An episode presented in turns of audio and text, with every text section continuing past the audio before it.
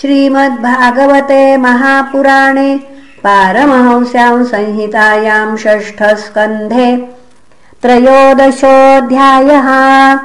श्रीशुक उवाच वृत्रे हते त्रयो लोका विनाशक्रेण भूरिदो सपालाय भवन् सद्यो विज्वरा निवृतेन्द्रियाः। देवर्षि दैत्यादेवानुगाः प्रतिजग्मुस्वधिष्ण्यान्नि ब्रह्मेशेन्द्रादयस्ततः राजोवाच इन्द्रस्यानिवृतेर्हेतुम् श्रोतृमिच्छामि भो मुने येनासन् सुखिनो देवा हरेर्दुःखम् कुतोऽभवत् श्रीशुक उवाच वृत्रविक्रमसंविघ्ना सर्वे देवा सहर्षिभिः तद्वधायार्थयन्निन्द्रम् नैच्छद्भीतो बृहद्वधात्। इन्द्र उवाच स्त्रीभूजलद्रुमैरेनो विश्वरूपवदोद्भवम् विभक्तमनुगृह्णद्भिर्वृत्रहत्याम् क्वमार्यहम् श्रीशुक उवाच। ऋषयस्तदुपाकर्ण्य महेन्द्रमिदमब्रुवन्। याजयिष्याम भद्रन्ते।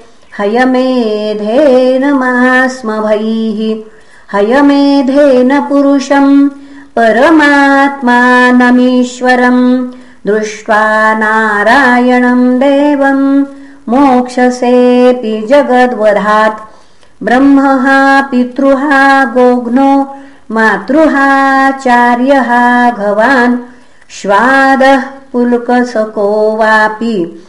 शुद्धेरम् यस्य कीर्तनात् तमश्वमेधेन महामखेन श्रद्धान्वितोऽस्माभिरनुष्ठितेन।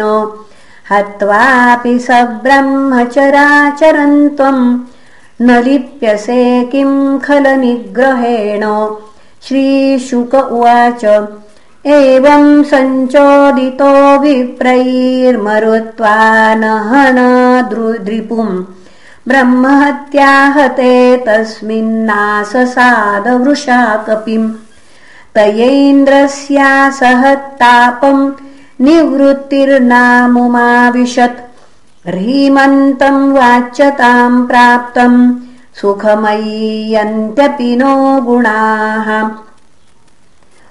ताम् ददर्शानुधावन्तीम् चाण्डालीमिव रूपिणीम् जरया वेपमानाङ्गिम् यक्ष्मग्रस्तामसृक्पटाम् विकीर्यपलितान् केशांस्तिष्ठतिष्ठेति भाषिणीम् मीनगन्ध्यसुगन्धेन कुर्वन्तीम् मार्गदूषणम्।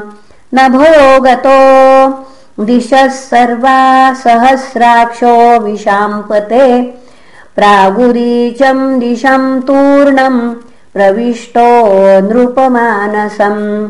स आवसत्पुष्करनालतन्तू न लब्धभोगो यदिहाग्निदूतः वर्षाणि साहस्रमलक्षितोऽन्तः स चिन्तयन् ब्रह्मवधात् विमोक्षम्।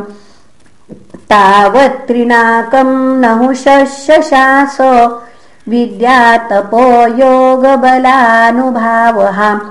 स सम्पदैश्वर्यमदान्धबुद्धिर्नीतस्तिरश्चाम् गतिमिन्द्रपत्न्या ततो गतो ब्रह्मगिरोपहूत। ऋतम् भरध्याननिवारिताभः पापस्तु दिग्देवतया हतौजास्तम् नाभ्यभूदभितम् विष्णुपत्न्या। तम् च ब्रह्मर्षयो भेत्य हयमेधेन भारत। यथावद्दीक्षयाञ्चक्रु पुरुषाराधनेन। अथेज्यमाने पुरुषे सर्वदेवमयात्मनि। अश्वमेधे महेन्द्रेण वितते ब्रह्मवादिभिः। स वै त्वाष्ट्रवधो भूयानपि पापचयो नृप।